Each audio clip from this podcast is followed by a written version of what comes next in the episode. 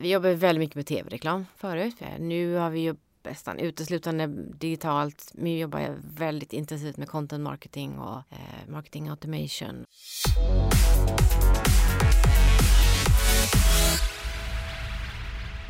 I en av de mest konkurrensutsatta branscher har en av de största spelare bestämt sig för att skita fullständigt i tv-reklam.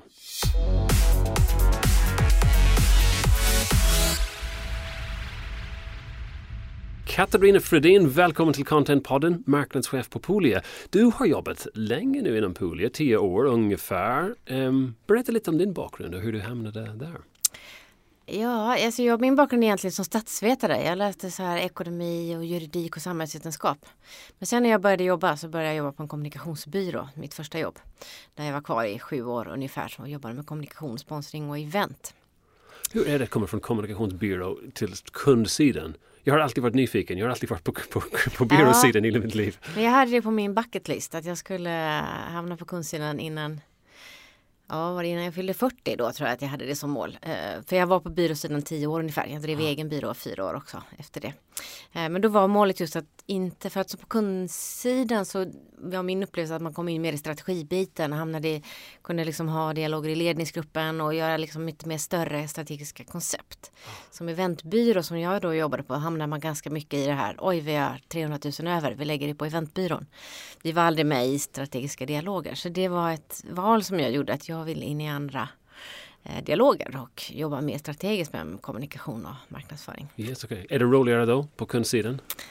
Alltså jag kan säga att jag längtar tillbaka till båda, alltså jag kan längta tillbaka till byråsidan. Det gör jag också. Men sen har jag ganska nyligen provat det och då längtar man tillbaka till köpesidan. Så det är lika roligt på båda sidor. Det beror mer på vad man gör tror jag. Ja, ja absolut och det är olika mm. byråer som har olika infallsvinklar också. Men, ja. ähm, men nu är du inne i rekryteringsbranschen som känns som en stenhård konkurrens inom rekryteringsbranschen. Eh, stämmer det och, och vad, vad gör ni för att sticka ut?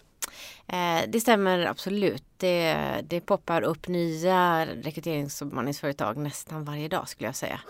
Eh, så det är en enorm konkurrens och det finns också väldigt många startups som är rent digitala. Polio har funnits i 27 år. Vi är en ganska stor organisation. Vi har ett väldigt stort varumärke. Vi jobbar bara inom tjänstemannasektorn. Så vi har liksom en ganska stor trögrörlig liksom, koloss skulle jag säga. Så för oss är det svårt att konkurrera ibland med de här små startupsen som inte har så mycket kostnader, inte så mycket strukturer. Men det är också det som är våra konkurrensfördelar, att vi har strukturer, vi är ISO-certifierade, vi är med i bemanningsföretagen, vi håller vad vi lovar, vi har våra liksom databaser. Eh, vilket också är tryggt för stora kunder. Men nu är vi i en digital värld och du ser att allting ändras så snabbt och du nämnde att ni var en trögrörlig koloss tror jag vad det så. Det, och det känns like, hur tar man hand om den delen? Därför att det antagligen, jag gissar att ni, ni kämpar med, med den aspekten. Ja, men då jobbar vi på, vi gör till exempel om vår hemsida just nu.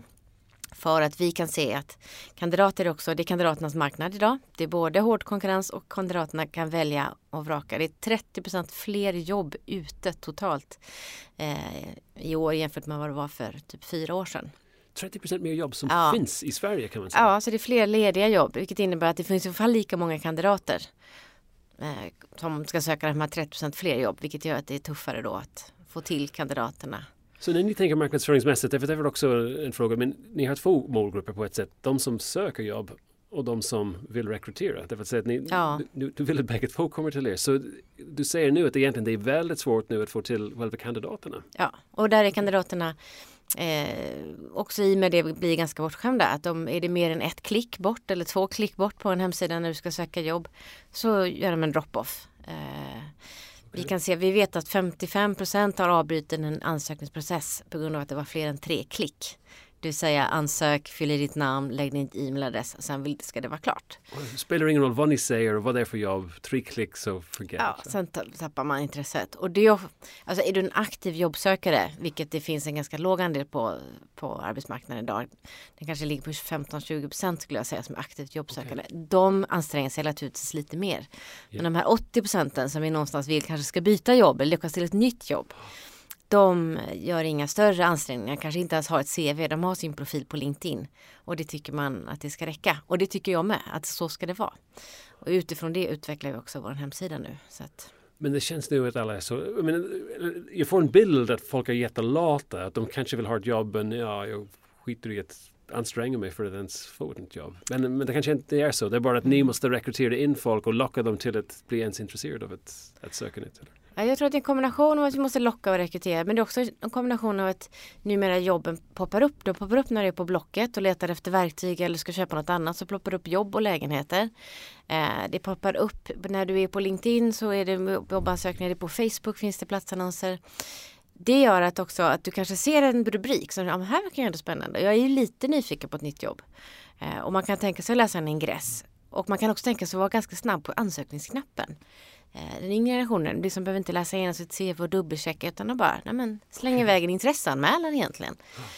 den formen, ja. ja. den formen av ansökningar ökar. Okej, okay, okay, jag känner mig så supergammaldags att jag förväntar mig stora CVs och att folks long cover letters och, och, allt det där. Så, men den är borta i princip för 80 procent av ansökningarna. Ja, alltså nu pratar vi om du är inte ditt CV, du är vad du, din är, vad du kan åstadkomma. Och jag, stora delar av branschen försöker slänga CVt och även det personliga brevet. Att man tittar på tester istället och egenskaper och mera går på person eh, på andra sätt än att det ska vara ett skrivet material. Så. Eh. Vilken är viktigare målgruppsmässigt? Då? De, som, de företag, så därför ni måste dra in nya kunder, företag som vill rekrytera. Ja. Men är det viktigare med att ha en bra baskandidater? Det vill säga, kommer företagen ändå om ni har bäst kandidater? Ja, alltså har vi roliga varumärken ute, har vi BMWs platsannonser ute eller har vi roliga tjänster ute så drar det kandidater och då fyller vi ju på databasen, så är det ju. Eh, men i, i många fall så är det också att skriva bra platsannonser så att vi kan fylla på kandidatdatabasen så att vi kan sälja in den till kund. Eh, så att det är lite, de är väldigt beroende av varandra. Eh, men har vi många roliga jobb ute så har vi också ganska många sökande. Så att visst bidrar det med roliga kunder och roliga uppdrag. Okay. Okay. Förändringen i hur man rekryterar eller hur man marknadsför Poolia under de här åren, vad har, det, vad har hänt? Vi jobbar väldigt mycket med tv-reklam förut. Vi har gjort roliga tv-kampanjer. Eh, nu har vi ju nästan uteslutande digitalt. Nu jobbar väldigt intensivt med content marketing och eh, marketing automation och det har blivit mycket smalare, mycket mer prickskytte eh, okay. skulle jag säga. Är det ingen tv-reklam kvar nu? Nej, nu var sist vi sände tv-reklam var 2011. Wow, okej. Okay. Tror jag, ja. Men rörlig kommunikation överhuvudtaget? Rörlig kommunikation har vi haft en del. Eh, jag ska säga, det är en svag punkt som vi har, som vi ska bli bättre på. Men eh, eh, vi vet att det funkar och vi skulle behöva ha mer av det. Men vi har varit lite halvdåliga på det faktiskt. Okay. Okej, så det är väl en, en, en utmanande område. Men intressant ja. med content marketing och market automation. Så när gjorde ni den switch och vilken sorts effekt har ni sett från den? Um, jag blir så glad att höra att ni jobbar med content marketing. ja, jag ser att det är vår huvudkanal nu. Ehm, ja, vi gjorde nog den switchen. Det var nog där 2012 skulle jag säga när budgetarna också gick ner och yeah. marknaden gick ner. Vi är ju väldigt konjunkturkänsliga. Eller beroende av en bra konjunktur. Så då i det så blev det naturligt att man skar ner på de här stora breda köpta kanalerna. Och fick jobba mer mot de egna förvärvade eh, kanalerna. Och i den vevan så tror jag att där har vi börjat jobba mycket med content. Vi startade en blogg.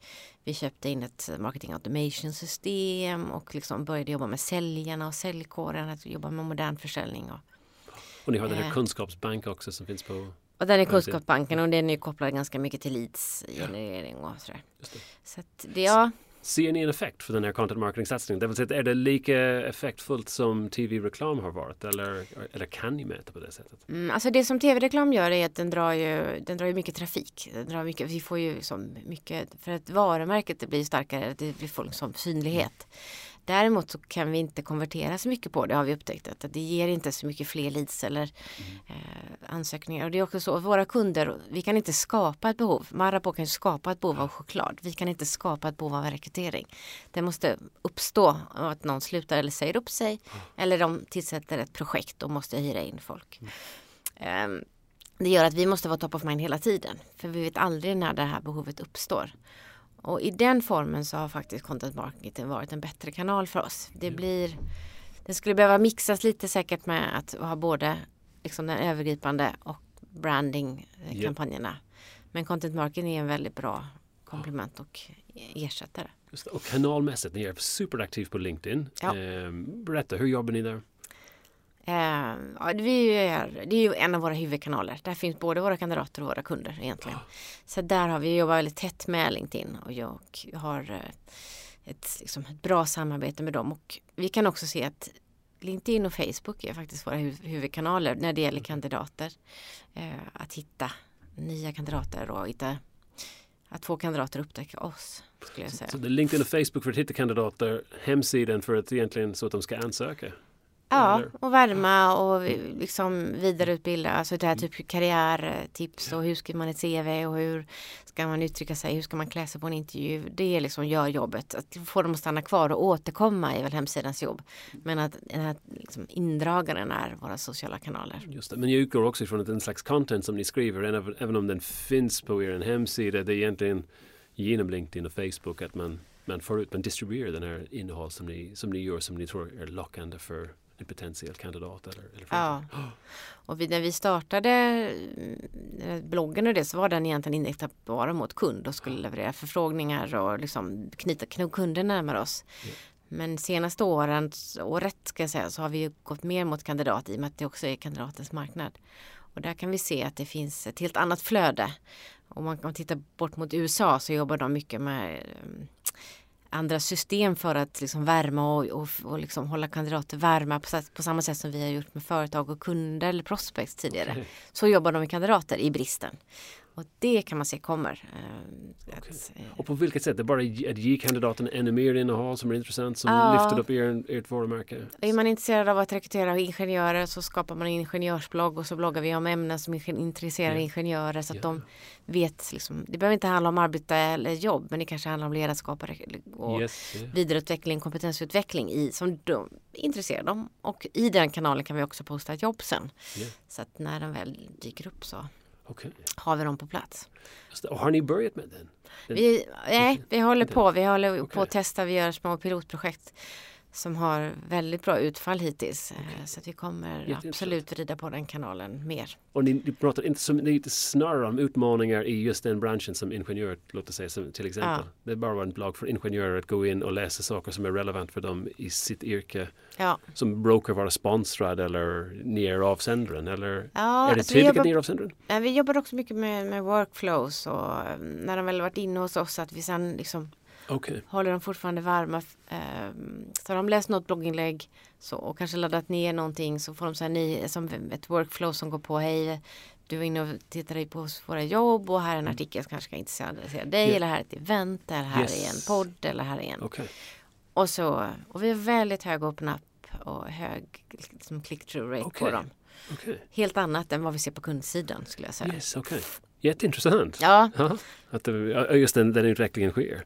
Um, när det gäller byråer, det här är ju intressant för du pratar mycket att content marketing är kanske en, en huvudgrej just nu. Mm. Men vilka sorts byrå jobbar ni? Jobbar ni med en reklambyrå eller jobbar ni med en contentbyrå? Eller hur, hur är det? Vi har en contentbyrå. Eh, sen har vi en reklambyrå också. Men eh, vi har en contentbyrå som är HubSpot licensierade och yeah. som gör allt vårt content egentligen. Yes, okay. okay. Ja. Jag är bara nyfiken därför det, det, det vi ser nu för tiden är att mm. varje byrå måste typ ta hand om allt. Det vill säga skriver du bra innehåll så man ska tänka, ska den användas i reklamsyften eller PR-syfte mm. eller you know, på, på vilket sätt. Så det, jag själv ser att det är väldigt suddig mellan ja. vem är contentbyrå, vem är PR-byrå, vem är reklambyrå nu för tiden. När egentligen Ja, vi testade lite grann att använda PR-byrån som contentbyrå. Yeah. Det här är några år sedan. Eh, och det blir inte, för oss blev inte okay. det riktigt bra. Utan eh, vi upplevde nog att det, det, blir Det finns också en stor yrkesstolthet i journalisten och yeah. i det här som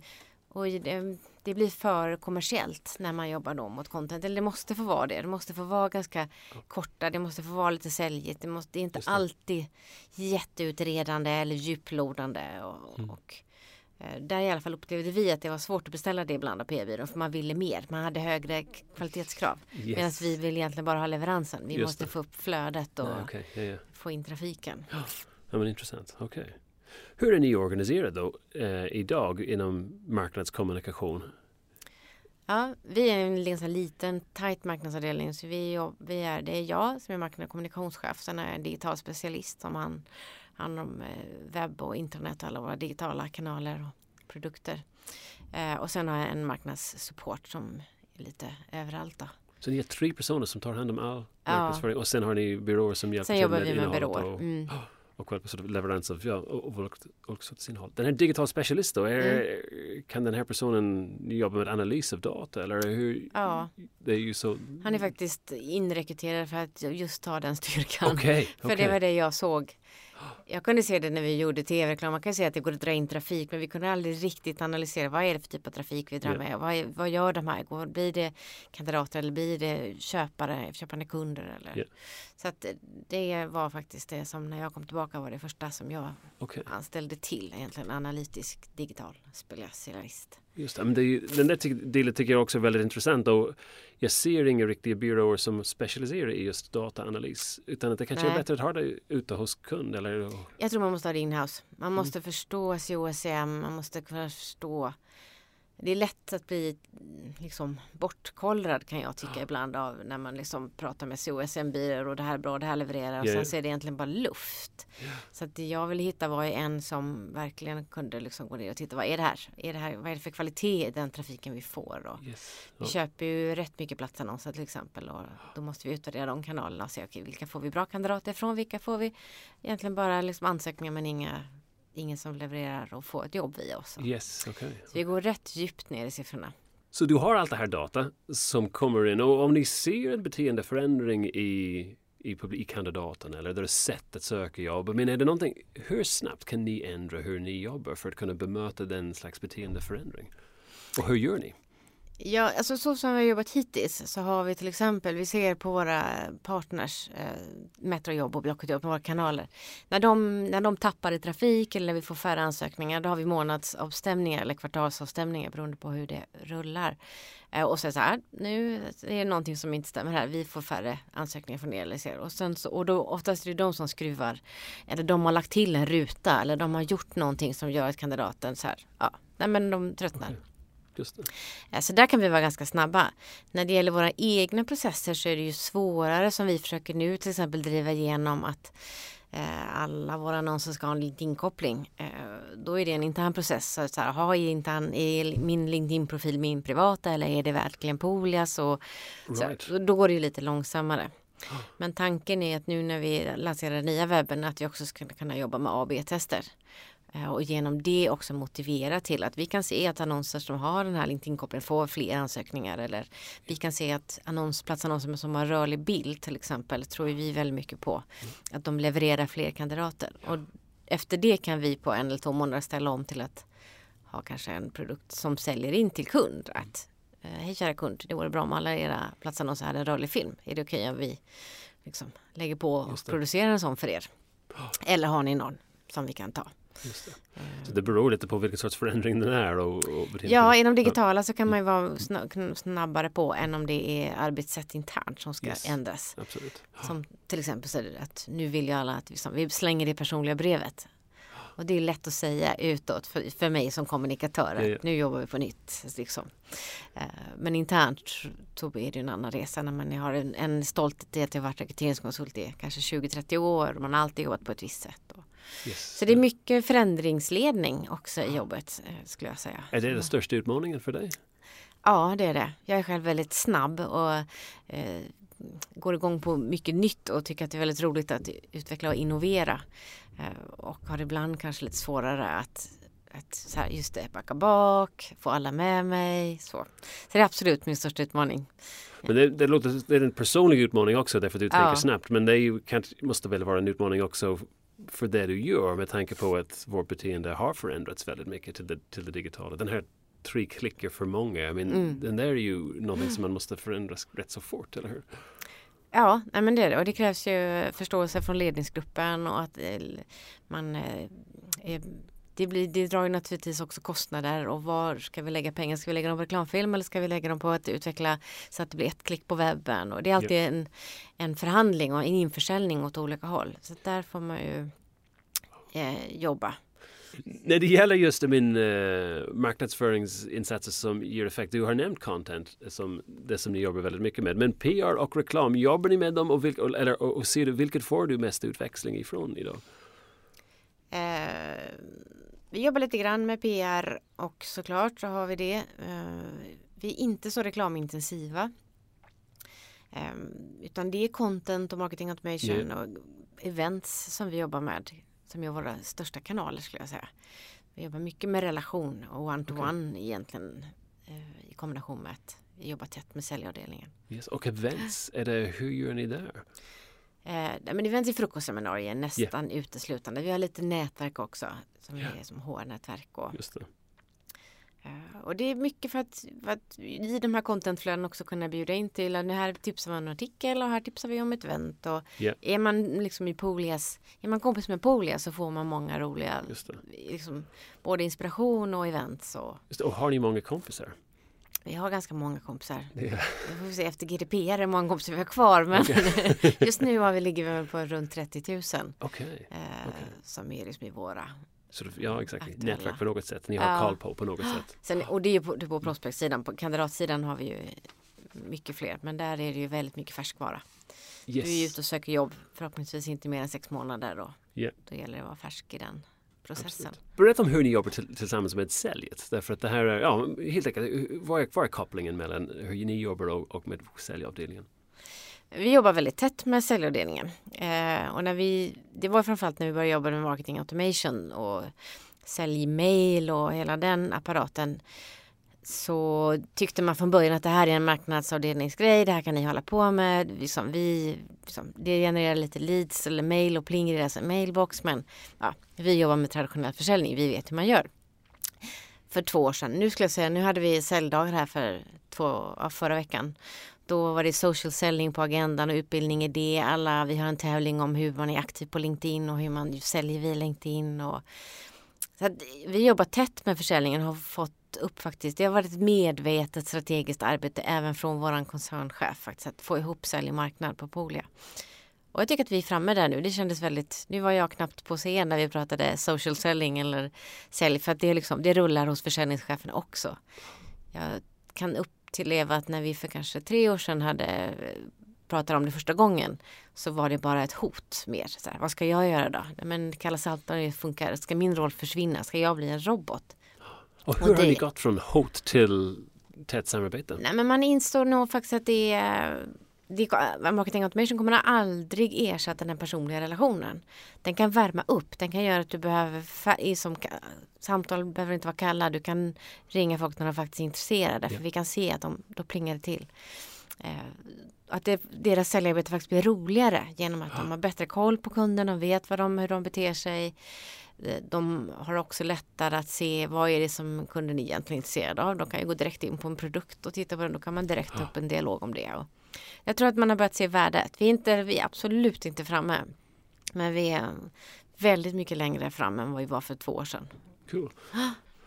Nu, jag har en fråga angående just att mäta effekten av marknadsföringsinsatser. Men mm. det, det, låter som att du går in ganska djupt in i detaljerna. Men på, på vilket sätt mäter ni? In, vi är väldigt mycket inne i Google Analytics eh, och i eh, eh, jobbar tätt med, egentligen med vår SEO AdWords yeah. byrå och analyserar varje månad och mäter. Sen har vi egentligen satt, satt liksom pengar på. Vad är ett CV värt? Vad är en förfrågan värd? Okay. Vad är ett besök på en viss typ av sidor värt? Vad är nedladdning av en guide värd? Yes, okay. Och utifrån det så räknar vi hem investeringen. Okej, okay. okay. allt är räknat så det pengamässigt kan man säga? På något sätt. Ja, mm. eh, det gör det. Sen kan vi, ibland kan vi få en det är ju likadant när vi har, har en, en tjänst ute och så kanske det söker tre personer. Då kan det, är det rätt tre personer så kan det vara mer värt än att det söker 30. Yes, yeah. Så därför är det lite så här med vad är den, vad är den värd? Yes, är tufft. Eh, det är lite så, men vi har en jag tror att vi än så länge så levererar det så pass bra på de siffrorna vi gör så att vi har satt ganska låga siffror på vad det är värt varje CV. Eh. När det gäller just Poolia, är det någonting som du tycker att ni kan bli bättre på? Ja, du har nämnt rörligt. Jag har nämnt rörligt, ja. ja. Jag tycker att vi absolut att vi skulle kunna jobba med mer rörligt. Mm. Um, nu kommer vi få en jättebra liksom, hemsida. Vi har gjort ett stort varumärkesprojekt också. Sett över våran, liksom, hur vi kommunicerar. Och, så att nu är det nog så här rörligt som står på min nästa mm. to-do att ge oss in i. En marknadsföringsfull träff, det bästa du har gjort marknadsföringsmässigt i, i din karriär?